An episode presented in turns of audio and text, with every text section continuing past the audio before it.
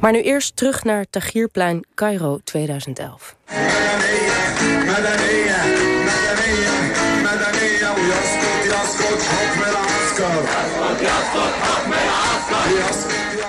Ja, dit is het lied Madania, gezongen door Rami Essam op het Tahrirplein in Cairo.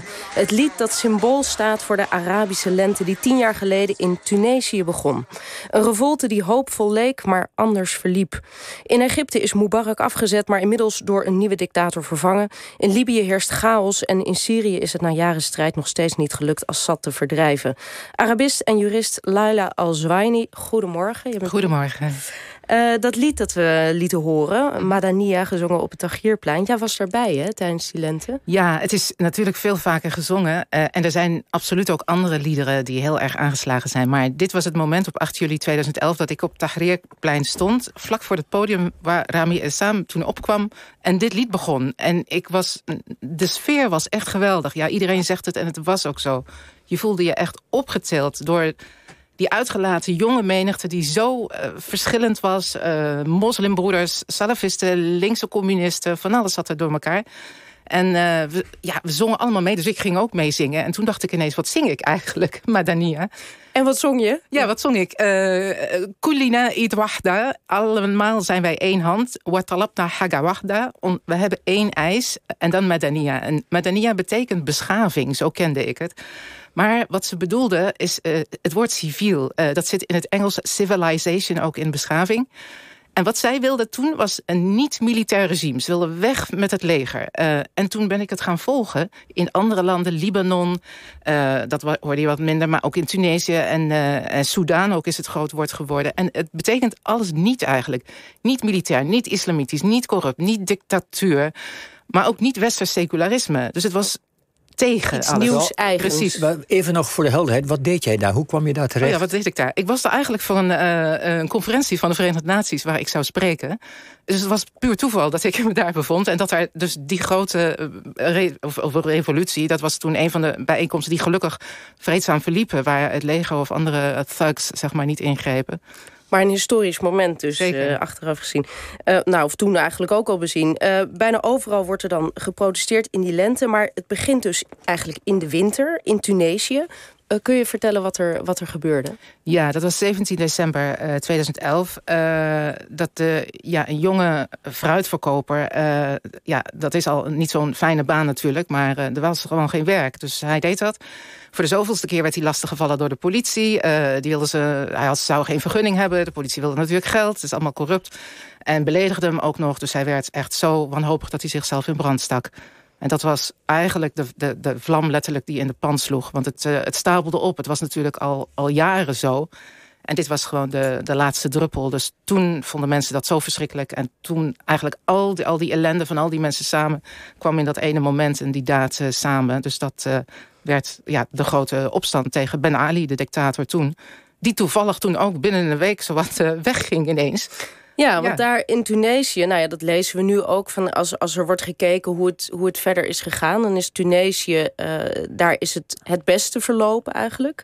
Um, uh, daarna in Egypte komt wel ook Mubarak ten val. Uh, en in Libië wordt Gaddafi afgezet. Um, maar ja, er wordt ook wel gezegd van in, in Egypte is nu in ieder geval weer een, een nieuwe dictator eigenlijk uh, aan de macht gekomen. Uh, in Libië is het chaos. Dus is volgens jou ook Tunesië de enige geslaagde uh, land geweest? Nou, en laten we Jemen niet vergeten. Dat ging in het begin heel goed eigenlijk. Een land met zoveel wapens waar ook die vreedzame revolutie losbrak. En helaas nu ook uitgemond in een vreselijke oorlog.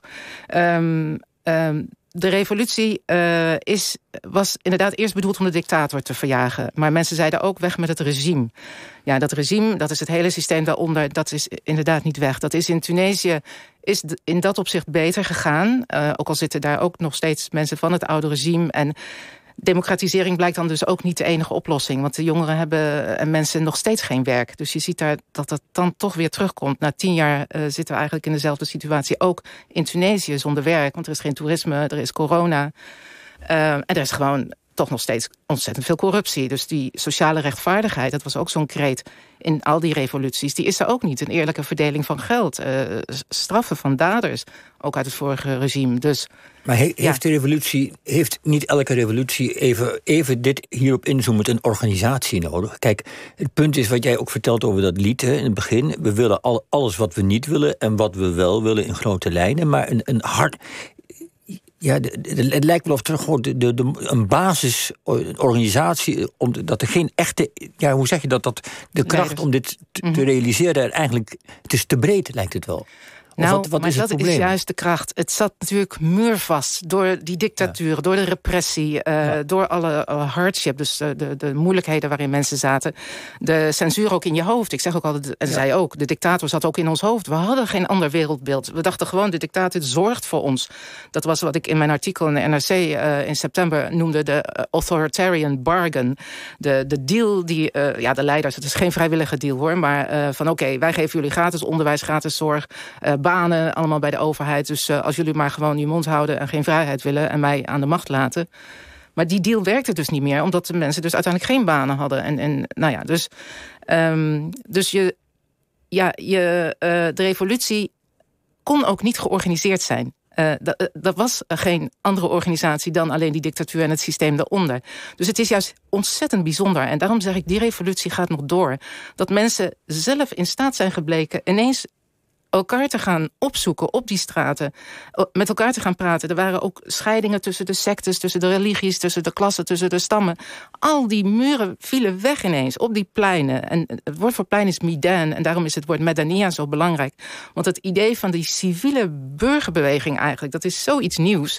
Dus dat ontdekten ze ook voor het eerst. Ze spraken voor het eerst met elkaar. Ze, ze, spraken over dingen waar ze het nooit over mochten hebben. Over, nou ja, over martelingen, over wat de dictators allemaal dus doen. Over islam, daar werd ook nooit over gesproken. Dat is ook een behoorlijke dictator in je hoofd. Um, en de, in ieder geval door hoe de politieke partijen, de moslimbroeders daarover praten. Dus, dus dat was nou juist de enige manier waarop zo'n revolutie plaats kon vinden. En heeft dat zich doorgezet, wat jij net beschrijft? Ja, en daarom zeg ik, ja, het klopt natuurlijk... de revoluties hebben nog steeds geen leiderschap. Dat is trouwens in Soedan was het ietsje anders. Daar is het veel meer wel door uh, civiele organisatie geleid. Dus daarom is in Soedan dat de tweede golf, zoals dat er nu heet, af, uh, in 2018... is dat ook gelukt eigenlijk uh, na Tunesië. Het tweede best wel gelukte tot nu toe revolutie.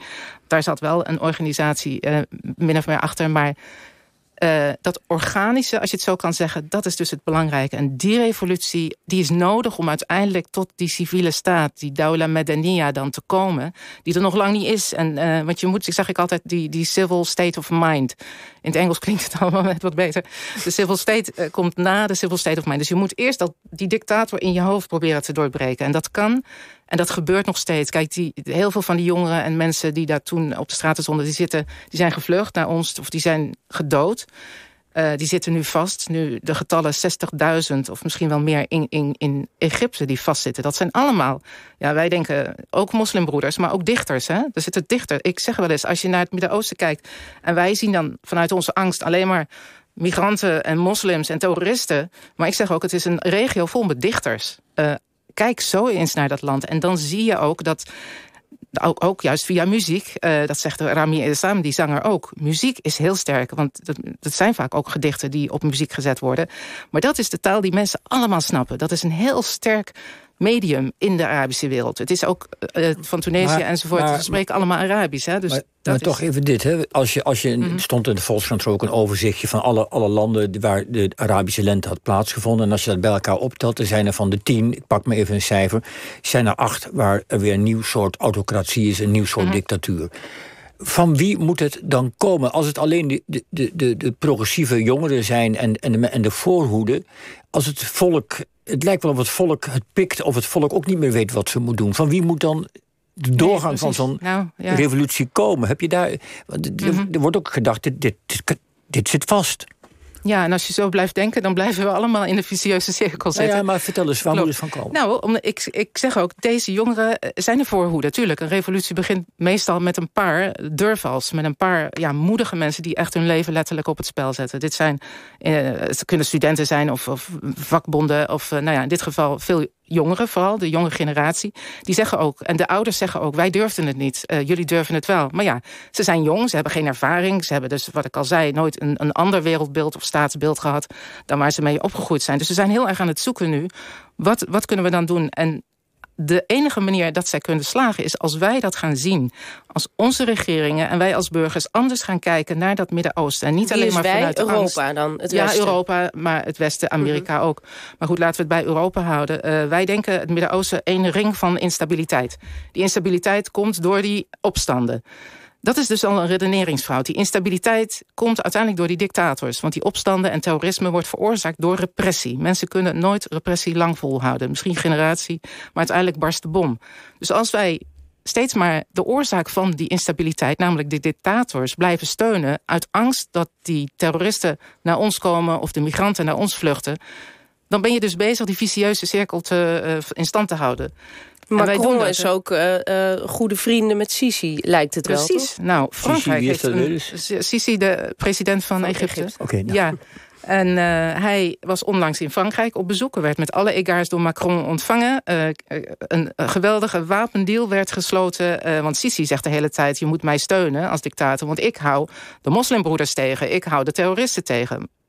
Sisi zegt ook, Macron is nu natuurlijk in een strijd in zijn eigen land tegen het islamisme. Na de moord op uh. Dus dus Sisi voedt hem met die angst. Hij zei van, ik hou de moslimbroeders en de islamisten tegen. Dus als je mij steunt... Dus op die manier... En, en er zit ontzettend veel geld in die wapenhandel. Uh, dus ik denk dat we daar als Europa echt naar moeten kijken. Daar hoop ik dat journalisten en onderzoeksjournalisten mee willen doen... om eens te kijken hoezeer wij onderdeel zijn van het probleem. Maar het is natuurlijk een logische reflex. De deksel is van de ketel gegaan tien jaar geleden. Dat heeft heel veel ellende opgeleverd. Dus wij denken als Europa laten we die deksel er weer op doen. En iedereen die die deksel erop doet, elke dictator, die gaan we steunen. Dus hoe moet je van die reflex afkomen? Ja, nou, ik denk dat wij ook dus die dictator in ons hoofd hebben. Oh, uh, het is een narratief. Nou, om dus duidelijk te maken, dat is dus een fout narratief. Het is een vicieuze cirkel die we zelf in stand houden. Dus dat hele security first en daar onze hele agenda, dus de veiligheid, onze veiligheid komt eerst. En de veiligheid wordt dan gewaarborgd door de dictators. Nou ja, dat blijkt niet. Dat was toen destijds al met Saddam Hussein... die we ook steunden met allerlei wapens tegen Iran. En nou ja, the rest is history. In dit programma kan ik dat uh, ook zeggen. Um, dus ik denk, wat ontzettend stom en naïef... als je de hele tijd in die cirkel doorgaat... en die dictators blijft steunen. Sterker eigenlijk nog, wij hebben ook jarenlang democratisering bevorderd... en willen bevorderen in die regio. Door allemaal trainingen te geven aan die jongeren... en aan mensenrechten en aan de, de vorige generatie ook. En dan komt er democratisering. Dan denken we dat het van het ene op het andere andere moment komt. Maar nogmaals, die beweging is niet de oorzaak van de instabiliteit. Die beweging zal de oorzaak kunnen zijn van vrede daar uiteindelijk. Maar dan moeten wij, ze kunnen niet zonder ons. Wij Europa zitten het dichtst bij de regio en wij hebben ook het meeste belang daarbij, eh, omdat we geografisch zo dichtbij liggen, dat het daar stabiel wordt. Dus ik zeg, wees moedig. Uh, wij zijn echt schapen. Wij denken echt vanuit onze angst. Je moet wees moedig en doe wat? Wees moedig en, en ga je aansluiten bij uh, die jongeren. In de zin, kijk, en ik, ik zeg Zijn ook, alle jongeren progressief? Nee, nee, natuurlijk niet. Dat zeg ik ook. Nee, een deel wordt terrorisme. Maar ik zei deze jongeren, en dan bedoel ik bij deze jongeren, die vrijdenkers, het zijn vooral kunstenaars ook. Uh, schrijvers, dichters, muzikanten. Die nu op een ander platform, dus niet meer op die pleinen, niet meer in de straten, want dat kunnen ze vaak niet meer. Maar op andere platforms Kijk ze, Rami Sam, die ik dus, uh, uh, die zanger van tien jaar geleden, die ik vorige week sprak, tot mijn grote blijdschap, uh, via een videoverbinding, die zit nu in Zweden.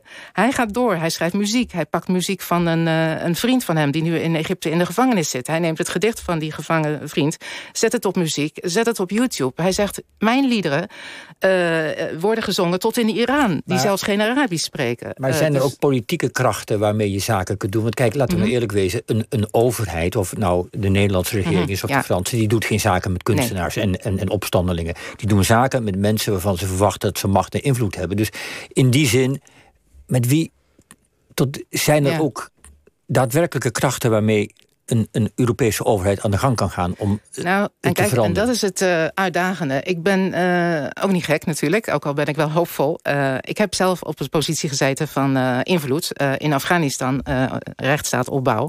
Dus ik weet wat geopolitiek is en ik weet dat regeringen met re regeringen moeten onderhandelen. Maar als je nogmaals steeds met degene met de wapens aan tafel zit en degene zonder de wapens van die tafels afhoudt. Dus we moeten, wij moeten ook out of the box durven denken.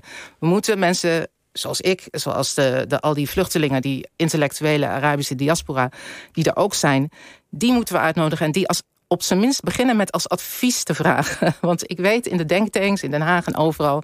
er zitten allemaal experts, uh, terrorisme-experts, radicaliseringsexperts... veiligheidsexperts. Die krijgen nu alle opdrachten om een visie te ontwikkelen over het Midden-Oosten. Vraag ons en kijk wat wij kunnen toevoegen aan dat denken. En dan kunnen we samen kijken van hoe kunnen we die agenda... van die jonge liberale generatie en dat Madania-agenda... noem ik dan die civiele staat die wij ook willen... koppelen aan die veiligheidsagenda. Dus het is een, een proces, maar dat proces moeten we gaan inzetten. Goed, hartelijk dank voor je betoog, Laila Al-Zwaini. En uh, hopelijk over tien jaar weer een gesprek met een, een betere uitkomst. Dank je wel. Dank je.